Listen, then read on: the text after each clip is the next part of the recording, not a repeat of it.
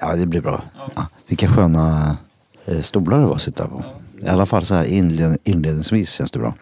Vad, vad är det Thomas brukar säga om att ni är inte Sveriges bästa gitarrister, ni har bara fått fler chanser? Eller vad är det han säger? Ja, exakt.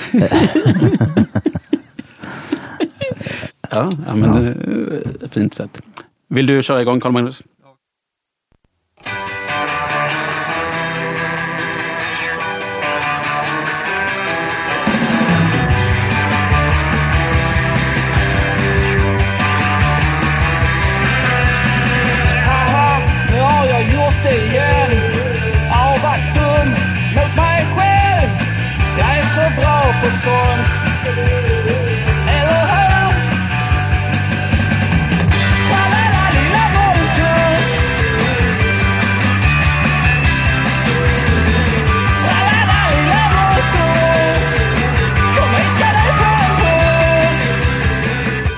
Välkommen till Grunden Media Podcast med mig Carl-Magnus Eriksson och Johan Lejon. Idag ska vi intervjua Conny Nimmersjö. Han är gitarrist i Bobhund och har även eh, bandet KC Baby tillsammans med eh, ljudkonstnären Kajsa Magnusson. Välkommen till Grunden Media Podcast, Conny. Tack så mycket. Tack. Hur eh, ser en vanlig dag ut för dig? Ja, eh, min, min vardag eh, den, är, den är väldigt olika beroende på vad jag, vilka, vilken slags vecka det är. Okej. I och med att jag har tre barn som bor hemma hos mig. Eh, en dotter som nu i och för sig är vuxen men hon bor fortfarande hemma hos mig. Mm. Och eh, två pojkar som är 12 år gamla. Mm. Så jag klarar inte av att försörja mig bara på musiken. Utan jag måste arbeta ungefär 50 procent på Mm. som vaktmästare. Och, eh, så de dagarna när jag är vaktmästare då, då är jag uppe eh, med tuppen halv sju. Och eh, gör frukost till mina barn. Och eh, lite kaffe till mig själv. Och sen så åker jag till jobbet. Och sen så är det fullt blås med logistik och grejer som jag håller på med där. Jag äter mycket bananer och dricker mycket kaffe.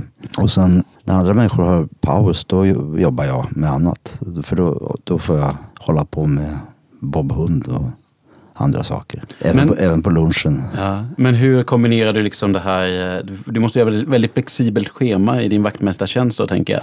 Om eh, du helt plötsligt är lite spelningar eller helt plötsligt eh, ska ner till Malmö och Ja, det, det, är det är fördelen med att, eh, att inte vara fast anställd. Jag är ju timanställd här. Okej. Men jag, jag går på ett schema men, jag måste ju ha en framförhållning. Så att oftast när jag är där så gör jag en veckas jobb på tre dagar. Mm. Så att jag ser till att eh, mitt skrivbord är rent så att säga när, när jag tar ledigt. Va? Så en veckas jobb på tre dagar. Ja. Du låter som en väldigt intensiv och effektiv person, Conny Nimmersjö. Eh, ja, men jag, jag, jag måste vara det. Ja. Mm. För, för att annars så skulle jag liksom inte kunna eh, hålla på med musiken. Om man Ja. både ska turnera och eh, samtidigt ha familj och jobb. Mm, precis. Jag brukar säga att eh, det finns eh, tre parametrar som ingen som jag känner får ihop. Mm. Mm. Om, om du pratar om tid och ambitioner och sånt där. Om du, har, om du delar upp livet i eh, försörjning, och, eh, socialt umgänge och eh, ens så att säga, kreativa drömmar och sådana saker. Mhm. Jag känner inte till någon som får plats med allt det där utan Nej. att göra en kompromiss. Va? Man måste förstå att du måste försaka någonting. Om du- man, kan, man kan inte sitta och säga så att det är så synd om mig, jag har inte tid att skriva min bok. Om man umgås med sina släktingar och vänner Hela hund- tiden. 100 timmar i månaden. Liksom. Man, eh, så, så man får välja då. Det man kan välja är att vill man få någonting gjort så måste man då antingen bestämma sig för att äta havregrynsgröt i en månad. Ja. då, kan du, då, kan du, då kan du ta ner försörjningen till liksom ett lägre eh, antal timmar. Eller så får man säga nej till socialt umgänge och det tror jag att de flesta gör. Det vill säga om jag, om jag är i en period när jag håller på att skriva musik då träffar jag som inte mina, mina vänner på en månad kanske. Det, och det, det, det är den typen av val jag tror man måste göra om man ska få ihop det. Eh, När du skriver dina texter, då är det en, en, en process då. Ja, jag, jag är lite så här att jag, jag har väldigt svårt att eh, göra det i min vanliga vardag bara. Ja. Jag, vet, men jag känner ju Mattias Hallberg. Han bor ju med sin fru och sina barn uppe i Luleå.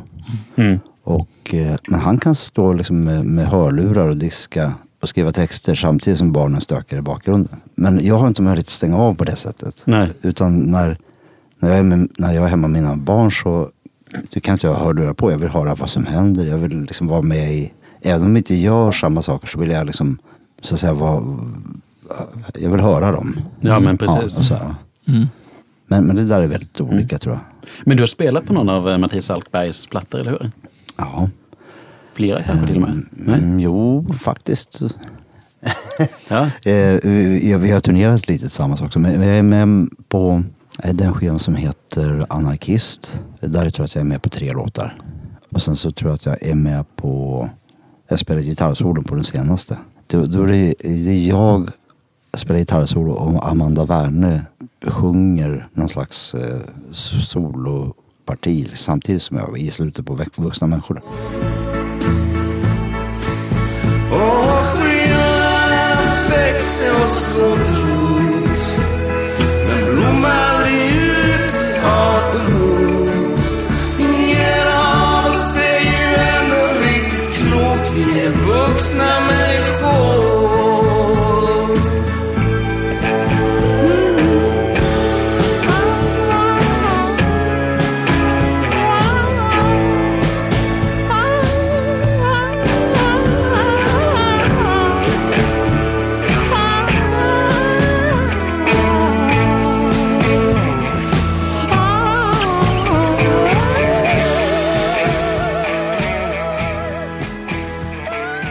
Men eh, då fick du låten skickad till dig och la lite i Stockholm eller, hur? Nej, eller åkte du till Luleå eller hur? eh? Nej, vi var, vi var, de spelade in den skivan i Göteborg i Okej. Svenska Grammofonstudion. Ja. Med, tillsammans med Georgi Baroksai som Bob Hund också har jobbat med. Okej. Han är supertrevlig och väldigt duktig. Eh, eh, Georgi eh, eh, han jobbar på Svenska Grammofonstudion. Mhm.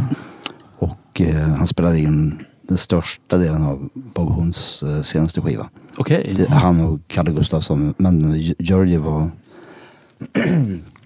ehm, den som eh, satt mest och väntade på att vi skulle lära oss att spela låtarna. eh, och, men, så, så Georgie spelade in Matti, eller Matti också. Och eh, så, så Bob Hund var nere och skulle... eh, s- vi spelade på Liseberg. Och dag, dagen efter så skulle Håkan Hellström spela på Ullevi. Ja. Oh, Och eh, så på morgonen där då så blev jag nedbjuden till Svenska Grammofonstudion och så fick jag jag lägga det här gitarrsolot. Okej, så det var lite eh, småspontant också eller? Ja, vi hade, nej, vi hade planerat det i, i två dagar. cool. Halvspontant. så, när du ändå är i stan. Ja, precis. Hur kommer det sig att du börjar med elgitarr? Är, är du självlärd? Ja, Jag, jag är helt självlärd. Ja. Som de flesta i min generation tror jag. Ehm, Jag är, jag är född 1967. Mm. Så jag fyller 51 år. Och när jag var 12, 13, 14, 15, 16 där omkring så, så var det, det var väldigt få som gick på musikskolor. Eh, Och I alla fall om man vill syssla med rockmusik. Det, det, det tillhörde liksom inte Nej.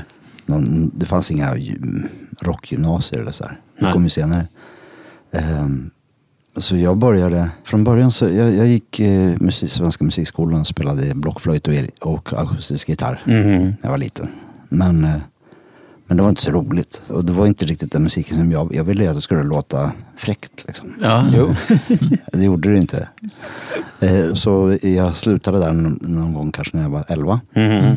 Sen så när jag blev 13 år gammal så jag hade en kusin som spelade elgitarr och elfiol. Och han eh, peppade mig. Och jag fick en sån här mm, gitarrlektionsbok med skalor och ackord och sånt där. Och han, hjälp, han pushade mina föräldrar till att köpa en, min första elgitarr från Hobbex. Det fanns, eh, I Hobbex-katalogen så fanns det något som heter Hobbex-gitarren. Okej. Eh, Den, eh, det är en, en elplanka. Billig Kina-tillverkad Fender Strata-kopia eller? Ja, alltså det är inte ens, den, den är väldigt, eh, ehm, Har du den kvar? tyvärr, tyvärr så, så, det var någon kompis till mig som eh, tog över den och modifierade den och eh, den försvann. Mm. Jag, jag ångrar lite det idag Mm. för att nu, nu är de ganska svåra att få tag på. Ja. Men, men Hobbex-gitarren var liksom som ett begrepp Det var liksom den billigaste gitarren som fanns. Eh, och den, vä den vägde ingenting. Det var, det var verkligen Nej. en planka.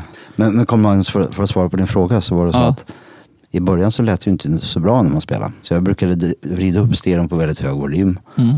och, och bara stå och slå på gitarren liksom, och, så- och, låtsas att det lät som det, som det jag hörde i högtalarna. Mhm. Det var väldigt mycket en sån här fysisk sak med elgitarr och att det skulle vara, man gillar att det var högt ljud. Då. Mm. Eh, Men jag bestämde mig väldigt tidigt för att det här var någonting som jag ville syssla med.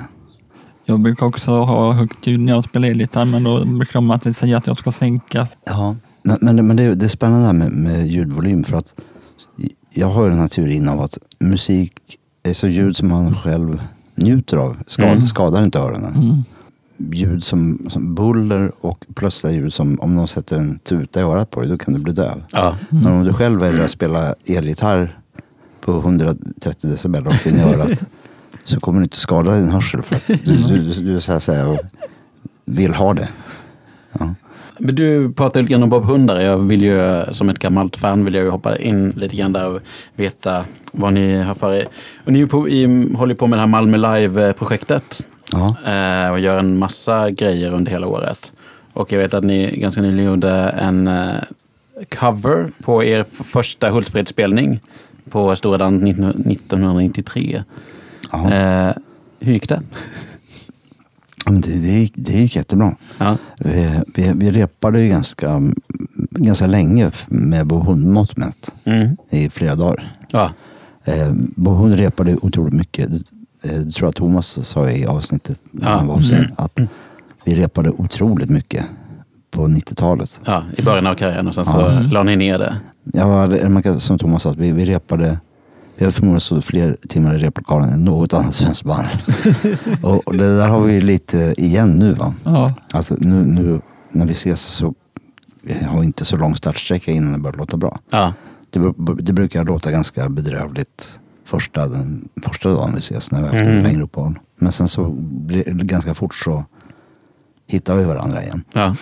Men lyckades ni liksom med målsättningen att eh, återskapa spelningen? Vi, vi pratade med Thomas innan ni gjorde den här spelningen. Och det var liksom så här, om, skulle han köra exakt samma mellansnack som för Just det. eh, 25 år sedan? Eller, eller skulle han liksom så här, alltså låtsas, bara låtsas om att åren Ja. inte har hänt? Eller hur, hur, hur gjorde ni? Eller var det, det gick liksom inte att komma undan att ni var lite äldre och lite... Nej, men Tom, Thomas använde väl sig utav... Eh, han citerade väl sig själv kan vi säga. Ja.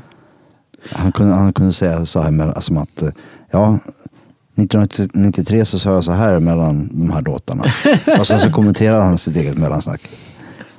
Det är ju ännu roligare. Ja. Ja, Jag önskar att jag hade varit där och Ja. sett den. Ännu mer önskar jag att jag hade kunnat säga att, eh, att det var bättre förr och få en gratis öl i baren eller hur var. Men eh, det är väl ingen som hade trott på det. Men, men, eh, men eh, det var väldigt fint. De hade, stämningen var bra där inne. Hade, vi hade projicerat upp eh, Hultsfredsskogen på, på väggarna Ja. i lokalen. Och eh, så fanns en projektion över själva stora dansbanan också. Mm. Så man skulle kunna känna att man var på, på den platsen. Cool. Vad, vad händer mer under det här Malmö Live-projektet? Så Ni, ni ska spela in en skiva live inför publik. Ja, ja precis. Nu, nu ska vi åka ner i, i mars här Ja. och eh, börja kika på det här och se Mm. vilka möjligheter det finns för oss att spela in där. Men vi kommer i alla fall att repa på Malmö Live. Ja. Och eh, sen ska vi undersöka möjligheten att spela in där. Mm. Men kommer det vara uppe på en scen när ni repar då? Eller vad är upplägget? Ja, det, det här vet vi ju inte. Det, det har funnits olika skisser. Det Mm. ena är att vi ska repa liksom i någon slags glasbur där vi ska kunna vara som aporna på Skansen ungefär. Ja. Jo, men det är det man ser, det är ju det man ser framför sig. Och det känns ju väldigt eh, Bob Hundskt Ja. eh, att göra så. Men, men, men sen så finns det så här praktiska saker med huruvida det går, går att dra kablar dit så att det går att spela in rent fysiskt om man står i den där glasburen. Ja. Det är sådana saker som vi måste kika på. Mm. Eh, men, men, eh, men vi ser fram emot, eller vi, vi kommer tillverka väldigt mycket musik där Mm. i, i, på Malmö Live. Och vi har också pratat om möjligheten att låta eh, publiken vara med. Ja. Eh, så- så- det är inte en omöjlig tanke att, att vi bjuder in fanns att, att köra på en låt. Mm. Så, så är det folk som bara råkar befinna sig i huset. Jag vet inte, ja, men jag tycker, jag tycker det är en trevlig idé. Ja. Att, eh, det spelar inte så stor roll egentligen vem det är som spelar. Nej. Nej. Musiken har sitt eget liv. På 90-talet fanns det en humorgrupp, Varan-TV. Ja, just det. Och de gjorde en parodi på er. Ja, den minns jag. Och skulle skriva en, en ny låt till eran video. Ja, Och man fick se hur ni skriver låten och det är bara så att ja, men ni står och gör lite oljud. ja just det. Och sen eh, deras Thomas bara drar eh, memory-kort. Vi var med i morse när bandet gjorde en låt till sin nya video. En klocka, ett äpple, en ko och en kyckling. and lost Bale und oh, Karl und Freiling und smutsig talrik et askfot en cigaret.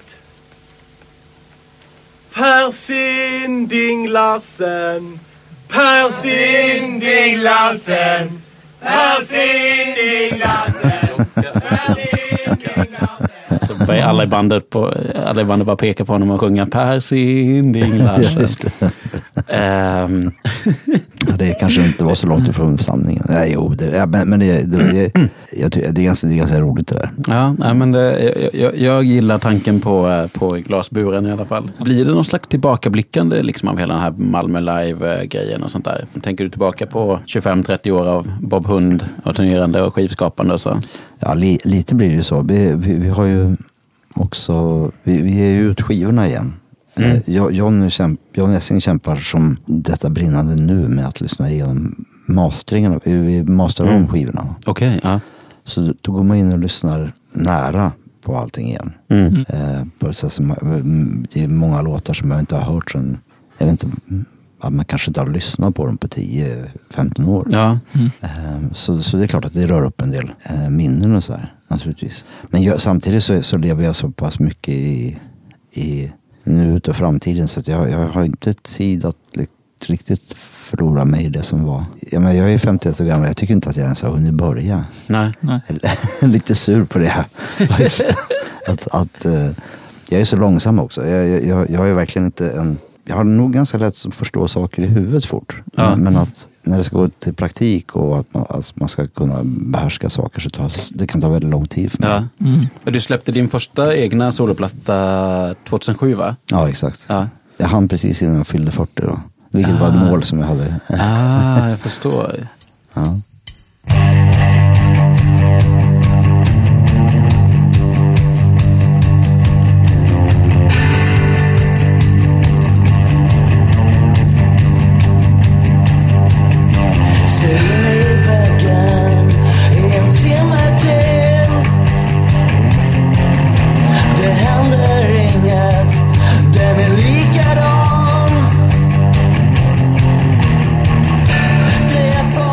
Släppte du din andra för, en- vad är det, två år sedan ungefär. ja, två eller tre år sedan. Så det är ändå sju år mellan de, de två plattorna. Men, men, men, men det har hela tiden varit så att eh, alltså, Bob Hund är ju, har ju varit huvudprojektet. Mm. Och sen så har jag fått göra de här andra sakerna i de perioder när vi inte är så aktiva med, Mhm. med Bob Hund. Så att säga. För det, din trummis Christian Gabel Ja. eh, som har producerat eh, den här senaste. Nej, alltså min, min solo, min sista soloskiva, Mm. eh, den producerade vi tillsammans kan man säga. Okej. Eller, eller, vi vi hade en Johan Gustafsson som var eh, inspelningstekniker och producent. Men arrangemangen gjorde, vi- först gjorde jag demos där jag så att säga, skrev de flesta delarna. Men, men hade ju då väldigt så här simpla bas och trumgrunder. Så sen så sågs vi i replokalen och eh, så gitarristerna fick ta ut de eh, melodier så här som jag hade skrivit. Och eh, Christian och eh, Christian Gabell och Valdemar som spelade trummor respektive bas då. Mm. Ehm, ja, vi, vi, vi, jobbade med typ tio dagar eller något sånt där. Med att funka. Ja. Och sen eh, bara gjorde ni live-tagning och alltihopa? Eller? eh? Ja, vi, vi var i en studio så vi kunde spela in tillsammans live. allihop. Så det var, det var lite ett... eh, Det, när, när, vi, när man gör en skiva så, så brukar det vara bra att ha någon slags eh, dogma. Okej. Att du bestämmer dig för uh, vissa, något val i, redan i början. Som att eh, här var, här var vi, på den skivan så var det just att nu ska, nu ska vi spela live. Mm. Och grunderna ska finnas liksom utan pålägg. Och i, mi- I största möjliga mån så ska vi inte lägga på saker i efterhand för att få det att funka. Så många låtar har inga pålägg alls förutom sången. Ja. Mm. Och det finns inga percussions liksom. Nej. Det är så, som tamburiner och sånt där som jag lagt på efteråt för att det ska svänga bättre. Utan vi, vi, vi vill ha det så med skavanker och fel.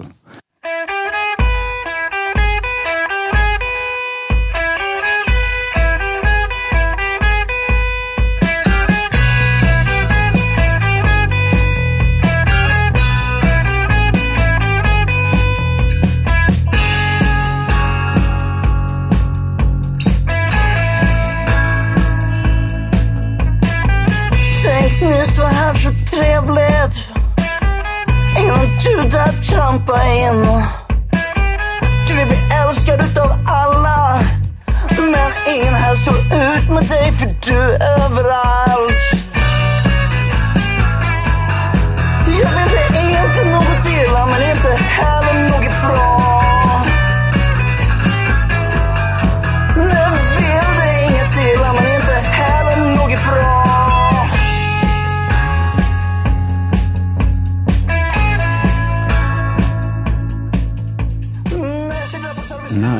Men, men oftast är det bra att best- bestämma sig för en dogma. Det är så lätt hänt när man spelar musik att om man inte väljer bort någonting från början, att man, man vill göra allt och så låter det som ingenting. Ja. Det är som, som att man säger, ja men jag vill att det ska vara lite, eh, eh, lite som Prince och eh, AC/DC och Visa. Och så vill jag att det ska skrika jättehögt och sen så vill jag att det ska vara väldigt intimt. Ja. Det, då har man väldigt svårt att nå fram till någonting överhuvudtaget va? Ja, jag tror att jag har sagt nästan exakt de sakerna eh, när jag har varit i inspelningsstudio med mitt band. Kanske inte visa delen men just Prince och AC/DC och sen eh, lite punk och lite stoner. Eh, Ja. Men det ska vi inte glida in på. det blev ingen skiva. Vilket är ditt eh, första minne av Thomas Öberg? Eh, Det, det är faktiskt så att första gången jag träffade Thomas och Jonas, det var på ett bröllop i Allhelgonakyrkan i Stockholm. 1986 eller 1987. Eh, Jag vet att det är samma år som jag vet att Echo Bunnymen hade släppt en skiva veckan. Så, eh, låten The Game lyssnade jag på då. Okej. Och eh, Dukes of Stratosphere hade släppt sin andra skiva. Den lyssnade också på samma vecka. Är det så du eh, tidsordnar i ditt liv eh, vilka skivor eller låtar du upptäckte då? Ja, ganska mycket. Alltså fi- film och musik så är ganska bra tidsmarkörer. Som, just det, det var det året ja, då Pulp Fiction kom och så, så här. Det, det är lite så. Men det, var- det var det här bröllopet, så det var de här två skåningarna där som dök upp. Mm. Thomas och Jonas. För, de, för mig så var de på den, jag kunde inte se vem som var vem. De var exakt likadana. De var som tvillingbröder liksom. Ja. Pratade lika konstigt båda två. Och, eh, det var väldigt svårt att förstå vad de sa. Ja. Eh, och de var väldigt energiska. Eh, som som Duracell-kaniner som bara ville göra massa saker. Mhm. Jo, men det, är, ju- det Ja. är ju lätt att se Thomas Mm. som sån. Ja. Men, men, men, men som sagt, jag, jag, för mig så var de som två identiska personer. Alltså, jag, var innan, jag, jag såg, träffade dem, för de, de hade var... Eh, jag, jag hade en replokal i Stockholm Mm. och de spelade med där. Det var en, Pallfiskarna? Nej? Nja, Nej, inte det. Jo, faktiskt vi repade i den lokalen också. Okej. Mm. Men, men, eh, men det här var... Det var Jonny och Alexandra Kern som gifte sig. Mm. Det är för övrigt, de är för, för övrigt fortfarande gifta. Alltså Johnny Essing? Nej, nej. Nej, nej. är Jonny Kern och Alexandra Kern. Ja. John, Jonny Karlsson hette han och hon hette Alexandra Kern. Och det här är en person som jag känt sedan jag gick gymnasiet. Mm. Men de gifte sig i den här kyrkan och jag tror att det är det enda paret jag känner. Förutom mina, alltså i, i, i den generationen som vi är i. Så de flesta har ju inte äktenskap som varar i så här 35 år. Nej. Men, men då, det, det, jag har gjort det. Och Jonas, Jonas och Malin har också ett sånt. Men det är typ de enda två, enda två paren jag känner som fortfarande är tillsammans som träffades Ja. då. Men, men, eh, men så Thomas och Jonas var- dök upp på, den här, på det här bröllopet och vi presenterades för varandra. Sen så blev de också liksom, deras band började sen spela i vår replokal. Okej. Några år senare så kom de fram till mig och sa så här att ja, vi, vi har ett band nu och eh, eh, jag blev bjuden till en audition. Mm. För de behövde en gitarrist till liksom. Mm. Ja. Och på den auditionen så var, var Mats Hellqvist och Jonas Jonasson som var där. Mm. Thomas hade något annat för sig, Ja. jag för mig. Och Jonas var inte där, han kunde inte. Nej. Eller, eller, eller så var Johnny där, det är möjligt. Men så var det jag och en annan gitarrist där som, som skulle spela. Den andra gitarristen, han var mycket bättre än vad jag var.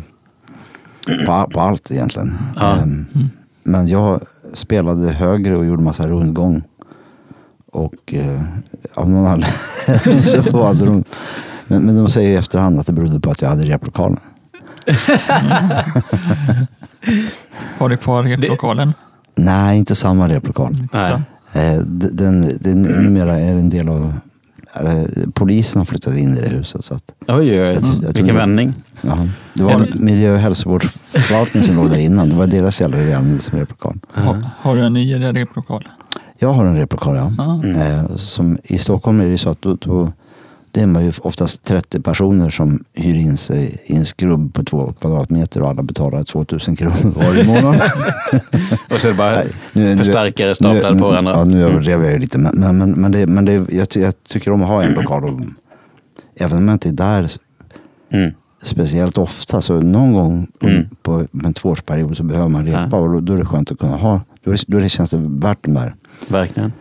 Jag tänker att du fick vara med för att du hade replokalen. Det låter som, eh, jag får mig, att Ozzy Osbourne fick bli sångare i Black Sabbath. Inte för att han sjöng bäst, utan för att han hade ett eget PA så att, Ja, och en mikrofon. Det. Till skillnad från de andra Ja, precis. fattiga Englandspojkarna.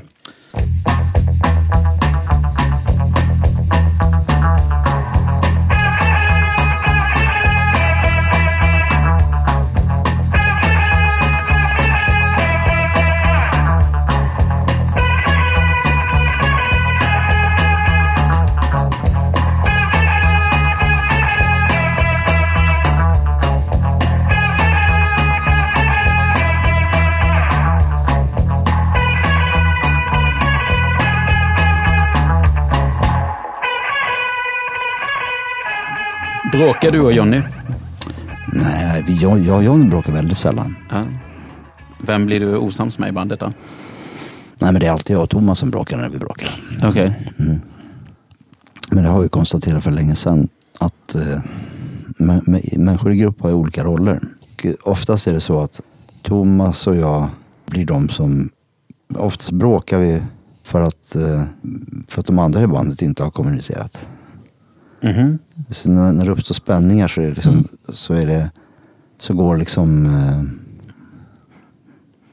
det blir Thomas och min roll att liksom lätta på trycket och berätta vad, man, vad man känner och tycker. Liksom. Ja. Så till exempel kan det vara så att, eh, mm, att en icke namngiven bandmedlem kanske eh, inte har gjort någonting som man säger att han ska ha gjort. Mhm. Så glömt nycklarna till replokalen och så blir det tre timmars försening och så får man inte gjort det man ska. Så, Ja, ja. så brukar det sluta med att Thomas och jag är arga på varandra. men, men, men, men vi, ingen av oss är långsint. Vilket är ditt eh, minnesvärda gig? Mest minnesvärd. Mest vinner? Eh, alltså, så där, där jag själv har stått på scenen eller som jag har sett? Eh, både och. Okej. Ja, men det, det mest minnesvärda giget, det måste man ändå säga att eh, när jag var eh, 14 tror jag, så hade Ebba Grön släppt den här skivan som heter Kärlek och uppror, deras andra skivan. Och då spelade de i Södertälje, på Folkets hus i Södertälje. Och då köpte jag biljett till den konserten. Och det var, det var liksom den första riktigt eh, högljudda rockkonserten som jag eh, kunde gå på. Liksom. Ja. Och eh, det, var, det var ju fantastiskt. Jag tror Eldkvarn var förband.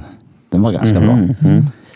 Eh, och sen så gick Ebba Grön på scenen och då, och då var det ju som en, en fullkomlig explosion av energi. Liksom, Både i publiken och från scenen. Så här. Mm.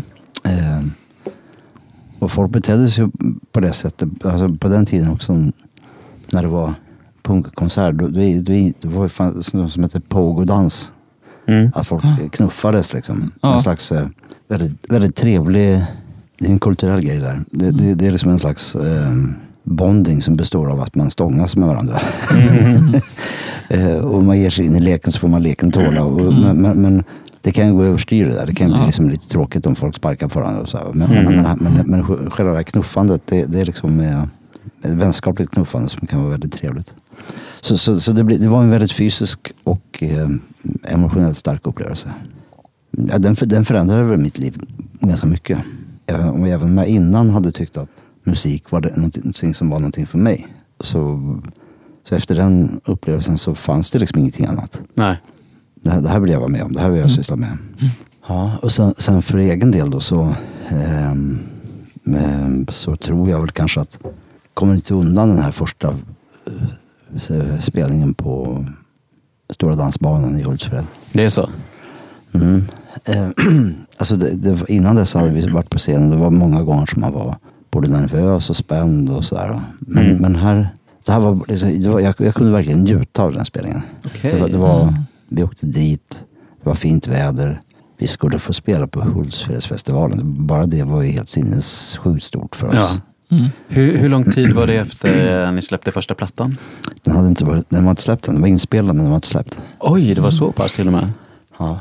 Så då, var- då var det bara eh, hype kring er, gissar jag. ja, vi hade ju spelat i Stockholm och fått ett visst rykte. Liksom. Mm. Så det var ju fullt på den här stora dansbanan. Ja. Ehm, och, ehm, det gick bra. Spelningen gick bra. Och nu, har, nu, nu finns det en inspelning av den här. Va?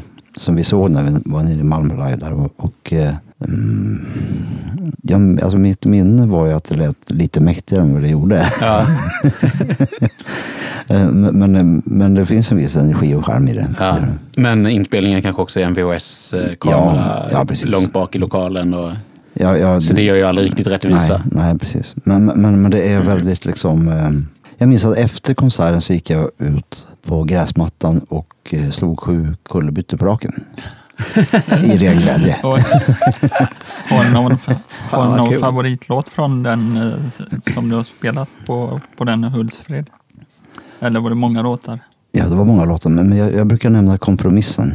Kompromissen? Ja, det, det, den, den spelade vi där. Och det, Mm. det är en låt som är från första EPn som inte har spelats så här jättemycket live Nej. genom åren. Eh, Men den, vi spelade den nu också när vi var nere i Malmö. Och det, det är, en, det är, en, det är liksom en, en låt som är lite så här Neil Young-rockig egentligen. Mhm.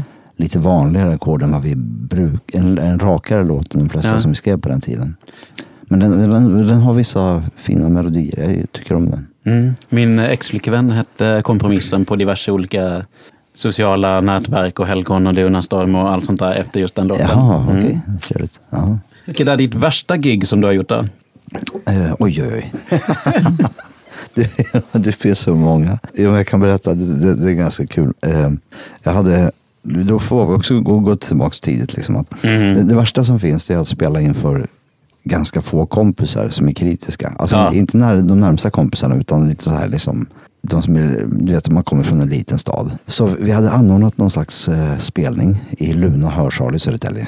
Mm. Eh, som ligger låg vid biblioteket. Vi hade ringt in, vi hade fått på något sätt bokat ett band från Stockholm. Ingen känt band. Eh, och de tog sig dit och vi skulle liksom sälja biljetter och det gick ju sådär med biljettförsäljningen. Och vi hamnade lite i onåd hos det här Stockholmsbandet för vi kunde inte riktigt betala dem den reseersättning och gage som de hade Mhm. begärt. Liksom. Så de blev lite putt på oss. Men det, det, det var ingen fara. Det var inga stora pengar. Men då skulle jag göra debut och sjunga min, mina låtar då för första gången inför publik. Oj, ja. Men, Och- när- när, var detta sa du? Ungefär? Ja, 1983. 1983? Ah, okej. Ja, Så så, jag är 16 eller sånt där. Och en av jag hade inte liksom riktigt pejl på hur man gjorde när man gjorde låtar på den tiden. Så jag hade gjort en låt som hade 30 ackord tror jag. Alltså den var byggd så att det, det, gick 30 ackord innan den kom tillbaka till första ackordet igen. Eh, men det, men du vet som att man, man spelar melodier med ackord. Va? Mm. Så. Jag tänker att det är en sån här klassisk nybörjargrej också. Försöka hävda sig själv genom att göra det lite för avancerat så att man ska maskera att man egentligen är ganska halvdan. Ja, fast, Eller så funkar jag i ja, alla fall. nej, nej, men jag, jag hade nog inte så mycket hang på att, att jag skulle vara jag hade tänkt så mycket på om jag är bra eller dålig. Utan jag, jag, jag försökte hitta liksom ett uttryck för Mm. mina texter och min musik. Och så här. Men, men jag visste ju inte riktigt hur man gjorde. Va? Så man Nej. experimenterade. Den här låten gick i alla fall i en tonart som inte riktigt... Eh, den var inte så snäll mot mitt röstregister i vissa partier av låten. Om vi uttrycker oss milt. Mhm. Så det fanns vissa toner där som jag, nu, gör jag, nu höjer jag handen framför mikrofonen här. Ja. Det, jag vet inte om det hörs, men, men ni får göra en bild av det. Ja. Ja, så, film. så man kan säga att det fanns vissa, vissa toner som låg eh, utanför min räckvidd. Och när jag kom till de passagerna i den här låten så då var det en kille som hette Peter Norman här för mig som spelade i något slags ganska coolt sånt där postpunkband. Mhm. Då låg han och pekade på mig och skrattade så att tårarna grät. Nej.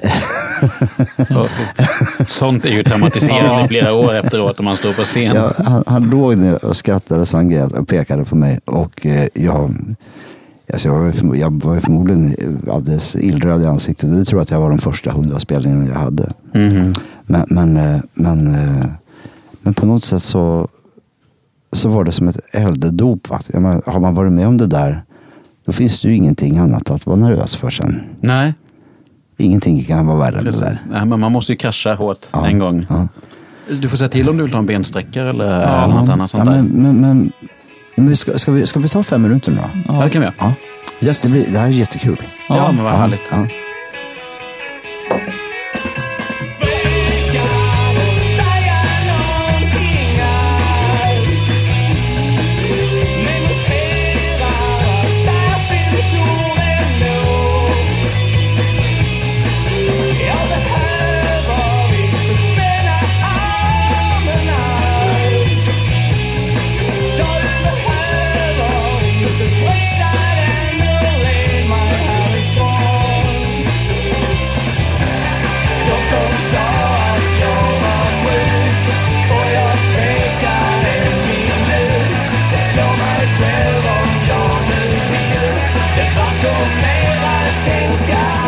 Du har lyssnat på första delen i vår intervju med Conny Nimmersjö. Vi hoppas att du har tyckt det varit lika trevligt som vi tyckte att det var att spela in den. Den blev som sagt lite lång så vi har valt att dela upp den i två delar. Men eh, den andra delen kommer snart i din eh, podcast-app så stay tuned. Och tack för oss från eh, Grunden Media Podcast.